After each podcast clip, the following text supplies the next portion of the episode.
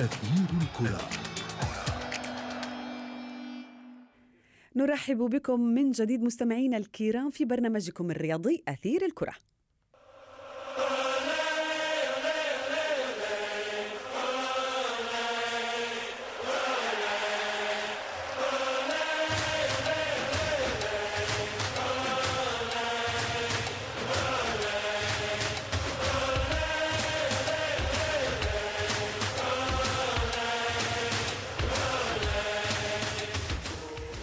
عادت عجلة تصفية أمم أوروبا 2020 للدوران من جديد. هناك بطاقات عبور حسمت وبطاقات أخرى ما زالت حائرة بين منتخبات القارة العجوز. عدد المنتخبات المتأهلة رسميا إلى النهائيات وصل إلى أربعة بعدما لحقت كل من روسيا وبولندا ببلجيكا وإيطاليا. للحديث أكثر عن أهداف وطموحات المنتخبات المنافسة في تصفية اليورو. ينضم إلي من دبي الإعلام الرياضي منير رحمة. كابتن منير مساء الخير. مساء الخير شذا مساء الخير لكل السادة المستمعين. يسعد أوقاتك. منير ما هي أهم العناوين في هذه التصفيات في الجولة الأخيرة منها؟ طبعا إذا تكلمنا عن العناوين يمكن أن تقال بعد هذه الجولة هي أن المنتخبات الكبرى في طريق تقريبا مفتوح أو شبه مفتوح نحو البلوغ الأدوار النهائية. هناك بعض المحاولات من بعض القوى الجديدة على مستوى القارة الأوروبية بصدد يعني السعي لإثبات تواجدها في هذا الحفل الكروي الأوروبي الكبير. لكن طبعا في في الغالب لا مفاجآت كبيرة. لا يوجد مفاجآت نعم. نعم, نعم. منتخب ألمانيا فوز سهل؟ على إستونيا ولكن لربما طموح الماكينات كابتن منير هو الصدارة، يعني هل ما زالت صعبة على ألمانيا في ظل تألق هولندا ومواجهة المنتخبين في الجولات المقبلة؟ طبعا هو فوز المنتخب الألماني يعتبر فوز معنوي بالدرجة الأولى لأنه ألمانيا مرت بمرحلة صعبة في الجولات الماضية وتعرضت إلى نتائج سلبية واهتزت يعني ثقة اللاعبين بأنفسهم وحتى المدرب أصبح تحت يعني طائلة الانتقادات ومطالب الجماهير بالتغيير والإقالة. فأعتقد إنه لوف يعني حقق المطلوب في هذه الجولة وهو الفوز المعنوي لأن اللاعبين والتغيير أيضا شاهدنا تغييرات. أكيد أكيد جدا. لأن المنتخب كان بحاجة إلى التغييرات كان بحاجة إلى روح جديدة إلى أداء مختلف إلى يعني لاعبين يدخلون دماء جديدة في هذا المنتخب. فما شاهدناه في الجولة الأخيرة أنه المنتخب الألماني عاد إلى سكة الانتصارات بدأ يستعيد فاعلية الماكينات وفوز مهم بغض النظر عن عدد الأهداف وانه فوز بثلاث نقاط مهم. ترك المنتخب الألماني في المركز الأول مناصفة مع منتخب هولندا. طبعا في فارق الأهداف يعني يملك 20 هدف مقابل 19 19 هدف في هولندا لكن الصداره طبعا هي مطمح بالدرجة الأولى هل ممكن أن تؤثر منتخب إيرلندا الشماليه على الصدارة على صدارة ألمانيا وهولندا هل ممكن أن تؤثر أكثر على بطاقات التأهل عن هذه المجموعة؟ يمكن يمكن لما لأنه منتخب إيرلندا يملك ثمان نقاط 12 نقطة من ثمان مباريات من ست مباريات سجل ثمان أهداف. منتخب يعني متطور إيرلندا الشمالي شاهدناه في حتى في في تصفية كأس العالم الأخيرة. منتخب يعني يملك يعني عناصر جديدة يؤدي بشكل مختلف يعني عن القوى الكروية الكبرى المعروفة. يمكن أن يكون الحصان الأسود في هذه المجموعة. لما لا؟ يعني إلى اليوم هو طبعا حقق أربع انتصارات. بإمكان هذا المنتخب أن يكون هو الحاسب بالنسبة لألمانيا وهولندا على صدارة المركز الأول. نعم. إما بالنسبة للنتائج الفوز أو الخسارة أو التعادل أو على الأقل بالنسبة لحصاله الأهداف بالنسبة لهذه المنتخب. فالمنتخب إيرلندا الشمالية منتخب قادر أن يكون هو الفريق الذي يحسم الصدارة بالنسبة لألمانيا وهولندا. نعم. بالنسبة للمنتخب البلجيكي يعني العلامة الكاملة ثمانية انتصارات يعني آخر هزيمة بلجيكية تعود إلى نوفمبر من العام الماضي صحيح شباك صحيح عذراء صحيح. للمباراة السابعة تواليا إنجاز لم يسبق أن حققه هذا المنتخب كيف سيستغل الشياطين الحمر هذه الأرقام في اليورو المقبلة؟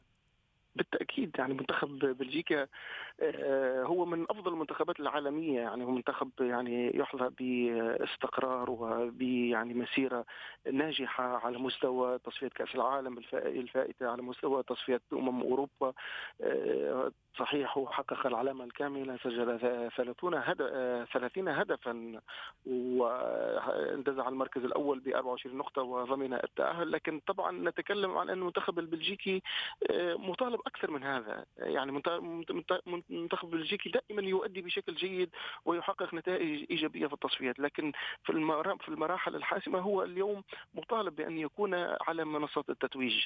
في كأس العالم في روسيا حقق نتائج إيجابية ووصل إلى مراكز متقدمة لكن لما ينجح في الوصول إلى المباراة النهائية على الرغم أن المنتخب مثلا الفرنسي لم يكن أفضل من منتخب بلجيكا لكن المنتخب الفرنسي يملك ثقافة الفوز والتتويج بالبطولات ونجح في الوصول إلى المباراة النهائية بكأس العالم بروسيا وحسم اللقب منتخب بلجيكا يضم نخبة من أفضل اللاعبين على مستوى العالم نعم. يلعبون في أفضل الدوريات وأكبر الفرق العالمية فأعتقد لا ينقص أي شيء هذا المنتخب بالتتويج بلقب أوروبا المقبلة نعم.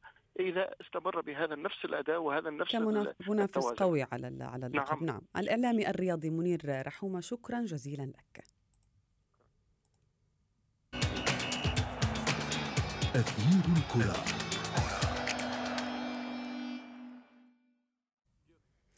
فترة التوقف الدولي آه، تكون ثقيلة آه، بعض الشيء على عشاق كرة القدم آه، لأن الجماهير تنتظر ما يقارب أسبوعين لمتابعة المنافسة في الدوريات العالمية. ولكن كيف يكون الحال بالنسبة للأندية واللاعبين؟ من يستفيد منهم؟ من يحصد مكاسب عديدة؟ ومن يتأثر بشكل سلبي من التوقف الدولي. للحديث أكثر عن هذا الموضوع ينضم إلي عبر الهاتف المحلل الرياضي عمر عبد الله مساء الخير كابتن عمر. مساء النور أهلا وسهلا بحضرتك وكل مستمعي سكاي نيوز إن شاء الله. أهلا بك في أثير الكرة. كابتن عمر بالتأكيد يختلف أو تختلف طريقة تعامل الأندية مع هذه الفرصة فرصة التوقف الدولي. ولكن بنظرك من من الأندية الحالية تحتاج لهذه الفترة فترة الراحة؟ من المستفيد الأكبر منهم؟ بالتأكيد هي فترة التوقف الدولي فترة مقلقة إلى حد كبير جدا للأندية وخاصة الأندية الكبرى اللي بتتنافس على المستوى العالي وتخوض عدد كبير من المباريات. بنتكلم في أندية اللي بتوصل للمراحل النهائية سواء في آه، الكؤوس المحلية أو في دوري أبطال أوروبا بتخوض ما يقارب ال 60 مباراة في الموسم من 57 إلى 60 مباراة في الموسم. تواجد المباريات الدولية وتوقف أجندة الفيفا بيضيف حمل آخر على اللاعبين المملوكين لهذه الأندية فبالتالي بيبقى حمل بدني وحمل آه، فني وحمل نفسي عليها بشكل كبير جدا. امبارح شفنا آه، فريق زي ريال مدريد أصابه طبعا توتر كبير بعد إصابة جاريث بيل في مباراة ويلز إصابة لوكا مودريتش لوكا مودريتش أيضا نعم. مباراة كرواتيا هذا الجانب المظلم من فترة التوقف آه الدولي. ان الأندية تكون خائفة جدا على لاعبيها. بالظبط حتى أطلق عليه منذ سنوات قليلة فيروس الفيفا فيروس الإصابات. دائما ما يعود اللاعبون بإصابات محملة. نظرا طبعا لاختلاف طريقة التدريب والحمل البدني ما بين مدرب واخر وجهاز فني واخر فكل هذا الأمر يصيب الأندية بالقلق وتجعلها تتابع فترة التوقف الدولي ويدها على قلبها كما يقولون يعني. في الناحية الأخرى هناك بعض الأندية تنتظر فترة التوقف الدولي لتهدئة الأوضاع. أبرز مثال يحضرني حقيقة فريق زي ميلان مثلا الإيطالي فريق كان يمر بمرحلة بعثره في الفترة الأخيرة غير مرتب الأوضاع استغل فترة التوقف الدولي لإقالة مدربه لإقالة المدرب. نعم. بالضبط والتعاقد مع مدرب اخر ستيفانو بيولي فبالتالي هناك بعض الأندية ولكن بدرجة أقل دائما ما تكون مع كامل الاحترام لاسم ميلان العريق ولكنه على أرض الواقع لا ينافس على شيء دائما ما تكون في منطقة الوسط أو في منطقة آه بداية الإعداد لفترة جديدة أو بداية التدشين لانطلاقة جديدة فتحتاج فترات التوقف الدولي لترتيب الأوراق. أما الفرق الكبرى كلها الأربعة الأوائل في كل الدوريات الخمسة الكبرى نتحدث عن 20 فريقا على الأقل. جميعهم ينظرون إلى المدربين في إيطاليا كابتن عمر يرزحون تحت ضغط كبير هذا الموسم. يعني عدد المدربين الذين تمت إقالتهم حتى الآن في الدوريات الأوروبية الخمسة الكبرى وصل إلى سبع مدربين. لم يكن منهم أي مدرب من الدوري الإنجليزي مثلا أو الألماني. إيطاليا تحديدا عندها أزمة في إدارة الأندية عندها أزمة في طريقة التعاقد مع المدربين. فريق مثل سامبدوريا كان يسير بخطى ثابتة جدا الموسم الماضي مع ماركو جيامباولو ثم قرر ماركو جيامباولو خوض تجربة مع ميلان. فخسر الثنائي. تعاقد سامبدوريا مع دي فرانشيسكو خسر ست مباريات من سبعة فتمت إقالته ثم كان تم جلب رانيري حتى ماركو جيامباولو نفسه خسر كل شيء وخرج بره خارج السياق التدريب أو مضمار التدريب بعد إقالته في ميلان بعد نفس السبع جولات تم التعاقد مع ستيفانو بيوريا الذي كان بدوره مديرا فنيا إلى فيورنتينا. كل هذا لأن الأندية في إيطاليا إلى حد كبير تفتقد إلى كلمة المشروع. مشروع يعني هو هل هل تتفق بأنه ليس سوء نتائج أكثر منه يمكن تخبط إداري في الأندية الإيطالية؟ بالضبط هو نوع من أنواع العشوائية هو ما فيش كنت لسه بقول لحضرتك ما فيش مشروع يتم على اساسه التعاقد مع المدرب. لماذا تعاقدت مع هذا المدرب تحديدا؟ هل تعاقدت معه للمنافسة؟ هل تعاقدت معه لإعادة بناء الفريق؟ كل هذه الأمور ليست ليست محددة في إطار التعاقد. الفريقان الوحيدان اللذان بدأ الموسم بمشروع لكن هل هذا ينطبق على يوفنتوس وإنتر ميلان كابتن عمر؟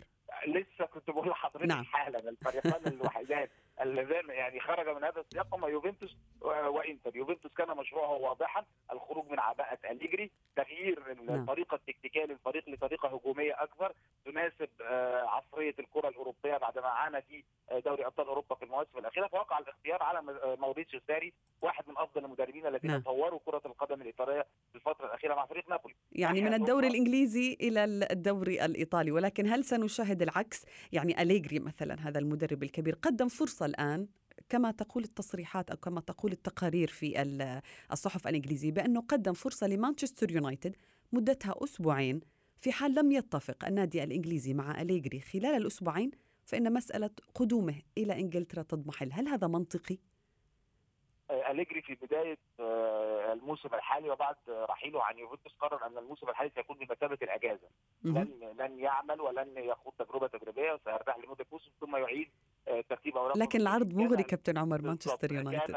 كان الاستثناء الوحيد هو مانشستر يونايتد. نعم. هو رأى أن مانشستر يونايتد فريقا عريقا اسما جاذبا شعارا كبيرا يعني من الممكن أن يكسر هذه القاعدة وأن يتوجه اليه التقارير الإيطالية الاشهر الاخيره أو في الاسابيع الاخيره اكدت بالفعل ان أليجري بدأ تعلم دروس اللغة الإنجليزية بدأ متابعة الفريق عن كثب آه تواجد مع باتريس إيفرا المرشح لمنصب المدير الرياضي آه منذ أيام قليلة في مباراة دوري الأبطال أمام توتنهام. وبايرن ميونخ كان متواجدا في الملعب في إنجلترا يتابع المباراة. فكل شيء يتاكد أنه على اتصال آه بالنادي الإنجليزي. ولكن المهلة التي منحها أليجري هي مهلة إلى حد كبير منطقية. أسبوعين بيبقى فيها مباراة ليفربول ليفربول ومانشستر يونايتد. يمكن النتيجة ستحدد مصير سولشاير هو هو منح هذه الفرصة لمباراة ليفربول.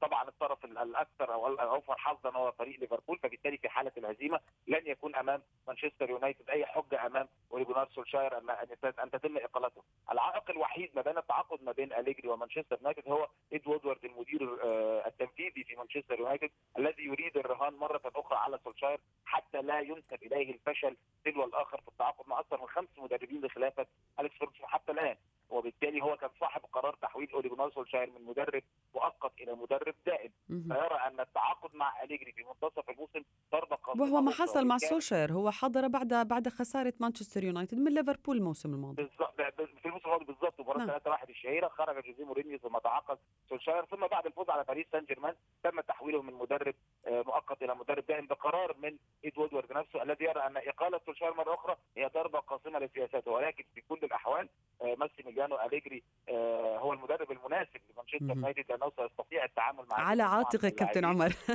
ماذا عن الدوري الإسباني؟ يعني أيضا المدربين هناك يرزحون تحت الضغوط.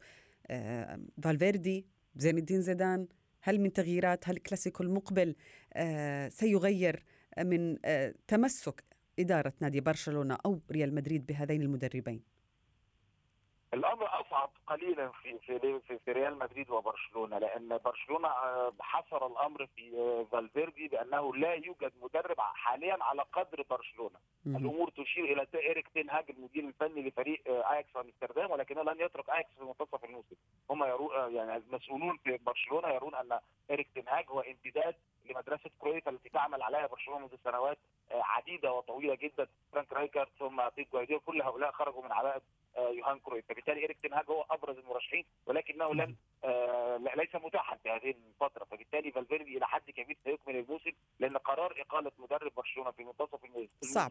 وهو ما زال ينافس صعبا للغاية. على الناحية الأخرى نفس الأمر ينطبق على زين الدين زيدان. الاسم الوحيد الذي قد يؤرق زين الدين زيدان وعاد للواجهة قليلا بعد نتائج سولشاير الأخيرة هو جوزيه مورينيو. جوزيه مورينيو مطلب جماهيري في ريال مدريد لأن الجماهير ترى أن الفريق يفتقد انضباط أكثر منه للفنيات ويرى أن زين الدين لا يستطيع السيطرة على المجموعة ويحابي إلى إلى بشكل كبير إلى المجموعة أو إلى رجال الذين حققوا ثلاثية دوري أبطال أوروبا. فبالتالي آه الأمر في ريال مدريد قد يكون في هناك بعض المفاجآت بتواجد جوزيه مورينيو على دكة الفريق في منتصف الموسم. أما برشلونة في توقعي ووفقا لتصريحات مسؤولي برشلونة أنه لا يوجد مدرب على قدر برشلونة حاليا. أعتقد أن فالفيردي سيكمل الموسم حتى آه نهايته خاصة أنه يحضر بمباراة ليونيل ميسي الذي لم لانتقاده علانيه في أي موقف وفي أي مباراة حتى بعد المنتدى ليفربول الشهيرة في الموسم الماضي. لا يمل كابتن عمر عبد الله من القاهرة المحلل الرياضي شكرا جزيلا لك.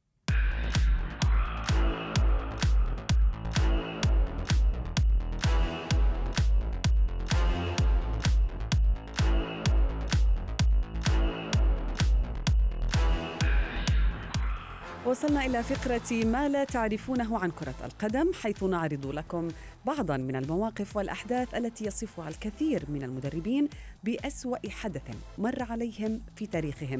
كيف لا؟ وقد أفقدهم وظيفتهم التي يعشقون ممارستها.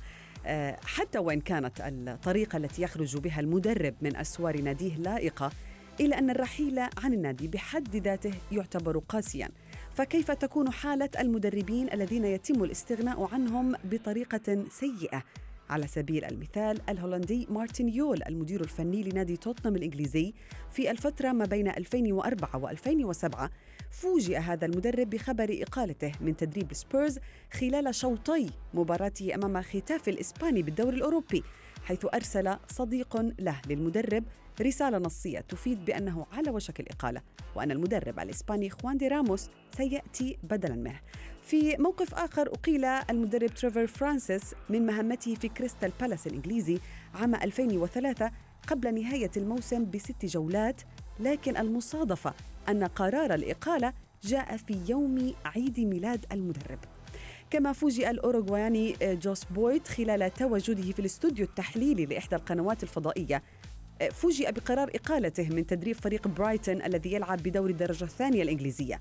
وأرجع النادي سبب الاستقالة إلى إجراءات تأديبية فسرت بعمل المدرب كمحلل للمباريات دون الرجوع لإدارة النادي. لكن تعد إقالة روي روسينيور من تدريب فريق توركي يونايتد تعد الأغرب في عالم كرة القدم حيث لم يستمر المدرب في منصبه سوى عشر دقائق بعد بيع نصف ملكية النادي لمستثمر جديد ووفقا للعقد الجديد يحق للمالك اختيار مدرب جديد وكان الضحية رحيل روسينيور وصلنا بكم مستمعينا الكرام إلى صافرة النهاية من برنامجكم أثير الكرة. نتمنى أن تكونوا قد استمتعتم بحلقة اليوم ولا تنسوا هناك دائما حلقة جديدة بانتظاركم. معي أنا شذى حداد إلى ملتقى.